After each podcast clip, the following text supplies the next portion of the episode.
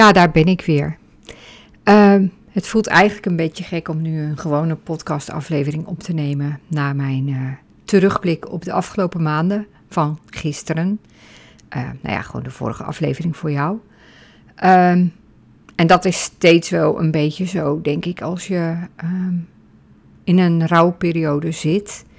Dat het heel gek is dat het leven gewoon doorgaat en dat je het over andere dingen kan hebben. En uh, tegelijkertijd helpt dat ook. Ik merk dat aan, uh, aan mijn dochters bijvoorbeeld ook, aan onze dochters. Uh, dat ze het verdriet, ja, is er natuurlijk en het komt in golven. En ze pakken het leven ook weer op en zien daar ook naar uit, aan, naar ritme, routine. Um, bezig zijn. Dus ja, zo is het leven ook, denk ik.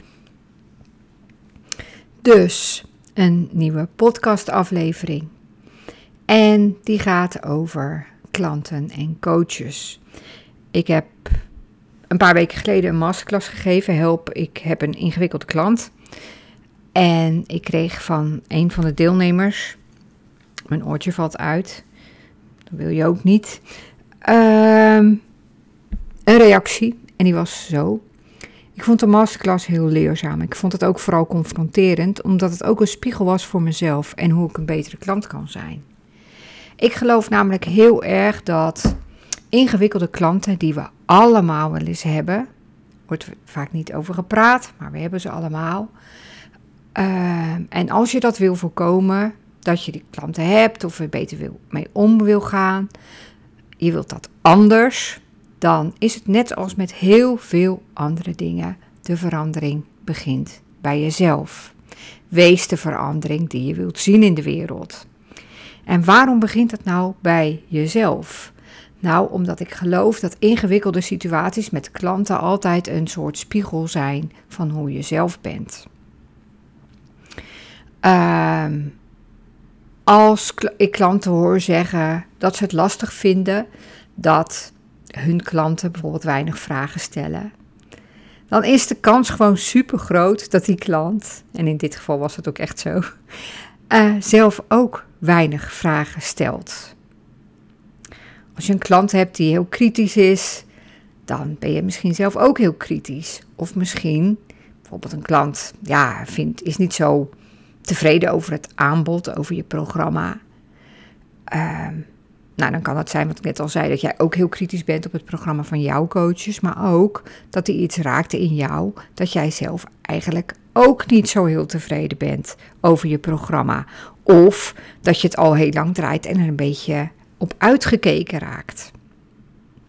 Het is net zoals in sales calls. Potentiële klanten weten je dan altijd te raken op je zwakke plek.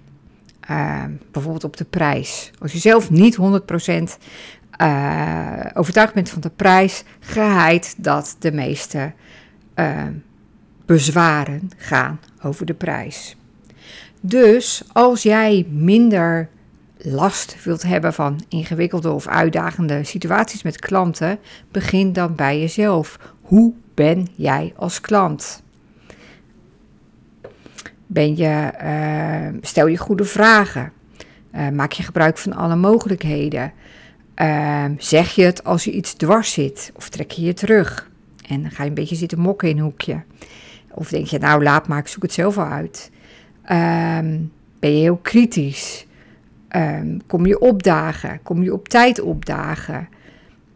Geef je complimenten aan je coach? Ben je heel uh, ruimhartig in aanbevelingen of in um, ja, goede feedback geven? Ben je dankbaar? Dat zijn allemaal dingen die. Uh, ja, ik geloof echt hoe beter jij als klant bent, hoe beter wij als klant zijn, hoe beter onze klanten ook voor ons zijn. Dus dat is de vraag aan jou voor vandaag. Hoe ben jij als klant en in welk opzicht kan je jezelf verbeteren? Ik wil even op één ding extra nog ingaan en dat is op goede vragen stellen. Ik denk dat dat een van de moeilijkste dingen is die er zijn als je klant bent. Ik merk heel vaak dat ehm, klanten ehm, ja, het lastig vinden om tot een goede vraag te komen. En dat vind ik zelf soms ook.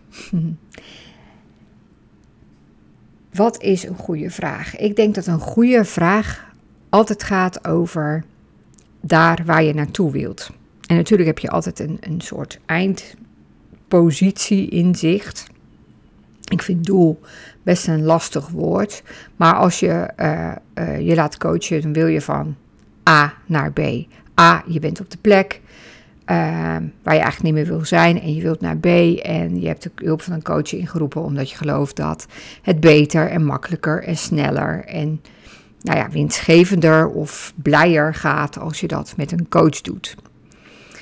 Dat je dan veel meer leert en uh, ja, sneller daar komt.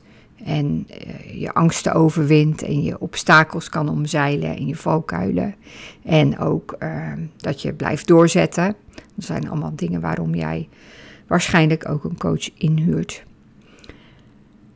Dus je wilt van A naar B, maar ja, dat gaat altijd in tussenstappen. Dus het is altijd goed om te bedenken als je een call hebt of een Voxerbericht instuurt of op welke manier je ook contact hebt met je coach.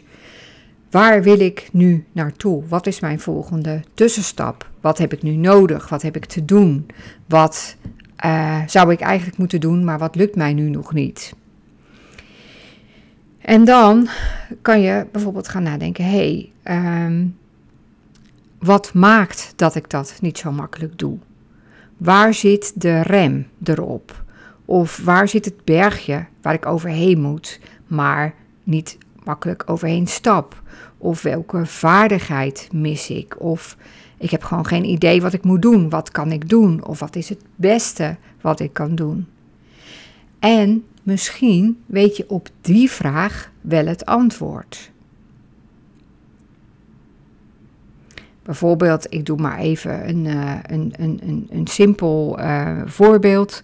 Je hebt uh, een, een, een, een nieuw aanbod en dat wil je in de markt gaan zetten. En je hebt bedacht om daar een pilot voor te beginnen.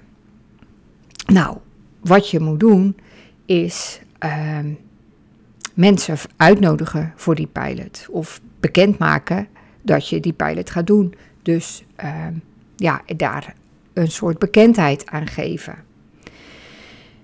Nou, dan weet je dat je dat hebt te doen. En dan heb je misschien allerlei manieren um, bedacht om mensen te bereiken. Je kan mensen uit je netwerk gaan benaderen, of uh, via social media, of brieven schrijven, of een oproep doen in je podcast. Nou, misschien is dan je vraag: uh, wat is het slimste wat ik kan doen? Of hoe kan ik die boodschap het best verpakken? Of wat, uh, hoe kan ik al heel duidelijk maken welke mensen ik precies zoek? En zo kan je dus, um, ja, of, hoe kan ik het, ja, wat is de beste methode? Wat zijn de beste woorden? Wat zijn de criteria? Of misschien weet je dat allemaal wel, maar durf je het niet? Dus kan je denken van ja, hoe kan ik het nou toch gaan doen, terwijl ik het eigenlijk niet durf. Uh, dus denk altijd verder na over de, over de vraag die je hebt en denk dan na tot je zelf niet meer het antwoord weet. En dat is dan de vraag die je kan stellen. En het voorbeeld wat ik gaf was best wel eigenlijk een, ja, een heel um, niet klein, maar wel een, een onderdeel van dan de stap die je gaat doen. Het is, dus het is wel een soort teruggebracht tot de essentie, zeg maar, tot de kern. Maar um, daar, ja, dan breng je dat dus tot je kern, dat is heel goed. Maar soms is het ook weer goed om juist uit te zoomen. Om uh, ja, een wat breder beeld te vragen eigenlijk. Want we zien onszelf natuurlijk zoals we ook onszelf heel vaak zien. Terwijl een coach juist vaak een groter perspectief ziet. Of ehm, ja, meer ziet nog dan jij zelf, wat je valkuilen zijn, of wat je in je mars hebt, of waar je je klein houdt. Dus dat zou ook altijd een vraag kunnen zijn. Zie jij nu waar ik me klein houd? Zie jij iets wat ik zelf nog niet zie, wat ik ook zou kunnen doen? Wat zou nu jouw beste advies aan mij zijn? Want uh, ja, er is eh, vaak veel te doen over coaches. Hè? En een van de dingen is dan, uh, dat wordt gezegd, ja, coaches stellen alleen maar vragen. Nou, ik vind dat echt onzin. Als coach mag je ook advies geven en je mag ook echt gewoon advies vragen aan je coach. En die kan dan natuurlijk wel een heel ander antwoord geven dan je zelf zou verwachten. Maar dat maakt het ook wel weer uh, spannend en uitdagend. Um, waar ik ook nog aan dacht toen ik uh, ja, nadacht over het onderwerp klanten en coaches. Want ik ga ervan uit dat uh, ja, mijn doelgroep zijn coachende ondernemers. Dus als jij in mijn doelgroep valt, dan ben je waarschijnlijk niet alleen coach, coachende ondernemer, maar ook klant of klant geweest. En ja, ik moest er ineens ook aan denken dat ik heb ooit een uh, coach gehad. En die zei, toen we een keer een live dag hadden en allemaal daar bij elkaar zaten, toen zij zei, ik weet helemaal niks van jullie. Ik weet niet waar jullie wonen, ik weet niet hoe jullie gezinssituatie is, maar ik weet wel van iedereen de omzet. En het is een hele goede coach en ik heb ook bewondering voor haar en waardering voor haar. Maar ik dacht wel meteen, zo'n coach wil ik niet zijn. En er is natuurlijk geen goed of slecht.